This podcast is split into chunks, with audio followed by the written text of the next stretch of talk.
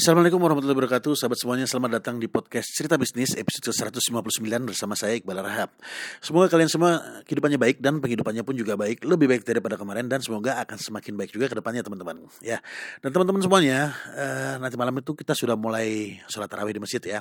Dan besok kita sudah mulai berpuasa. Jadi kita sudah mulai masuk di bulan suci Ramadan.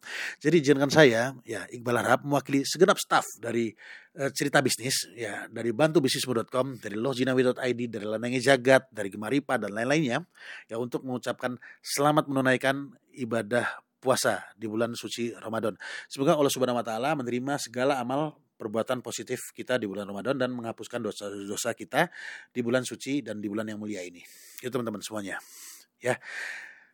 Oke, dan seperti biasa di podcast ini kita akan membahas tentang banyak hal ya, terutama mengenai bisnis, manajerial, dan keuangan yang akan saya bahas dari sudut pandang saya pribadi, pengalaman saya pribadi, cerita saya sendiri, sebagai seorang praktisi bisnis dan pelaku investasi sejak tahun 2006. Harapannya supaya kalian semua teman-teman pendengar yang memiliki keinginan untuk menjadi pengusaha, atau bagi teman-teman yang sudah menjadi pengusaha, atau juga untuk teman-teman yang memiliki profesi yang berbeda, barangkali aja setelah teman-teman mendengarkan podcast servis kali ini, teman-teman bisa mendapatkan banyak insight yang berbeda, gitu ya. So, kalau misalnya teman-teman semuanya ada yang ingin ditanyakan, ada yang ingin didiskusikan, langsung aja kontak ke nomor WhatsApp yang sengaja nih saya cantumkan di deskripsi di podcast ini supaya kita bisa diskusi lebih lanjut, supaya kita bisa diskusi lebih gayeng nantinya ke depan. Gitu ya. Oke, sekarang kita langsung masuk ke sesi cerbis kali ini. Jadi teman-teman semuanya, banyak sekali orang yang mau menjadi pengusaha dengan alasan mereka ingin jadi orang kaya. Ya, mereka ingin punya banyak uang, mereka ingin punya banyak duit ya sebenarnya bukan cuma pengusaha doang yang ingin jadi orang kaya ya. Semua orang kebanyakan ingin punya banyak uang. Semua orang atau hampir semua orang kebanyakan ingin jadi orang kaya.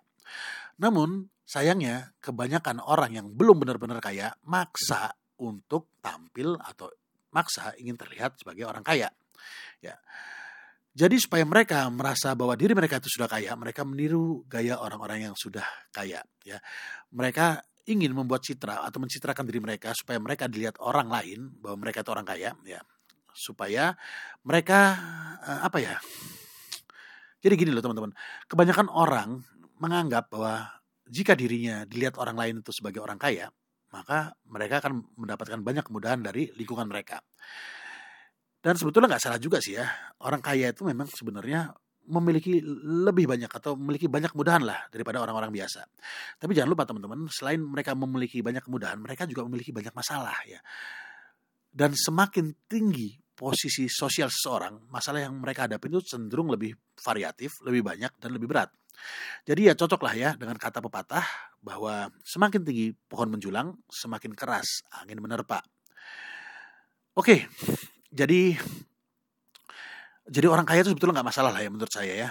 Tapi memaksakan diri untuk tampil kelihatan kaya, nah ini baru jadi problem. Kenapa? Karena orang kaya itu jelas beda sama orang yang maksa kelihatan kaya.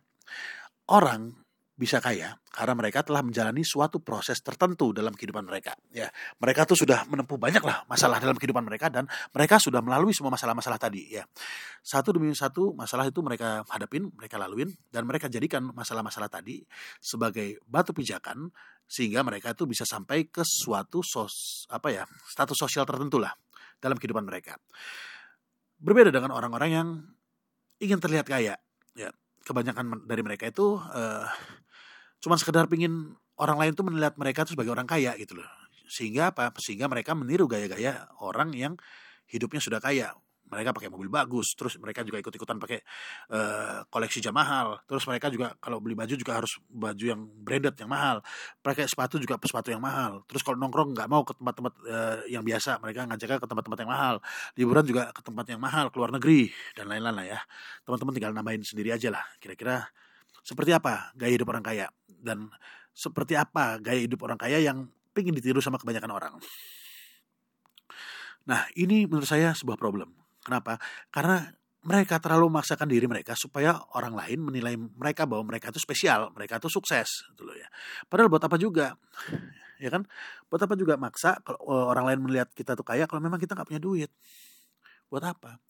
Jadi misalnya kayak gini. Ya ini saya saya andaikan kayak gini. Saya ibaratkan orang kaya itu sebagai seseorang yang sudah duduk di bangku kuliah, ya. mahasiswa gitu ya. Sedangkan orang yang ingin terlihat kaya itu saya andaikan sebagai seorang yang baru duduk di bangku SD, tapi ingin jadi mahasiswa, jadi mahasiswa wannabe. Nah kira-kira gimana menurut teman-teman? Kalau misalnya ada anak SD nih ya, terus tiba-tiba dikasih pelajaran kimia, dihajar sama pelajaran fisika, terus dihantam sama pelajaran trigonometri. Gimana kira-kira menurut teman-teman? Stres gak? Ya stres, bisa kena stroke gitu loh. Kenapa? Karena mereka belum mendapatkan pelajaran-pelajaran yang seperti saya sebutkan tadi itu di bangku SMP, di bangku SMA mereka belum dapat. Tiba-tiba mereka disuruh menyelesaikan soal-soal seperti tadi. Ya, apalagi uh, soal trigonometri itu ya, sin cos tangen tuh ya. Wah, gila, susah banget. Nah, bisa bisa apa ya? Bisa kita bayangkan ya bahwa mereka tuh pasti akan pusing tujuh keliling. Ya gitu, memang orang-orang yang ingin terlihat kaya itu seperti itu. Jadi mereka belum menjalani proses menjadi kaya beneran. Dan ketika mereka bergaya layaknya orang kaya, mereka mau kaya, ya terus tiba-tiba mereka disodori sama permasalahan-permasalahan yang dihadapi orang kaya, ya mereka bingung. Ya kan kenapa? Karena pemasukan pas-pasan, ya pendapatan pas-pasan, gaji pas-pasan. Terus maksa pengen punya rumah bagus, pengen punya eh, mobil bagus, terus maksain diri punya barang-barang yang branded. Ya akhirnya apa? Keuangan mereka itu fokusnya ke spending, ke pengeluaran, bukan malah membangun aset. Sedangkan orang-orang kaya, ya setahu saya nih ya, mereka tuh membangun aset terlebih dahulu, baru kemudian mereka beli barang-barang uh, mahal untuk diri mereka sendiri. Dan nggak cuma barang-barang mahal sih, biasanya mereka tuh beli itu karena kebutuhan, karena mereka suka, bukan karena harganya. Ya.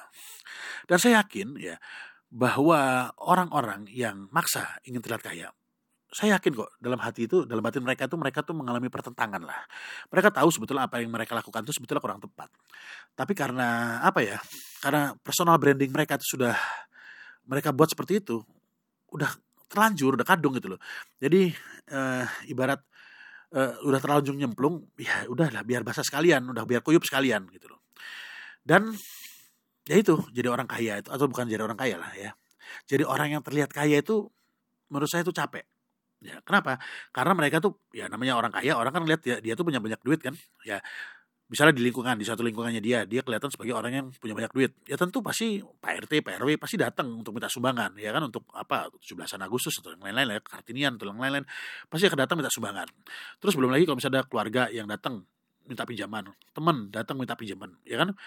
Kalau misalnya didatengin Pak RT, ya Pak ini ada sumbangan dong buat Kartinian misalnya gitu ya, terus kasih sumbangan sedikit, kan gak enak kan?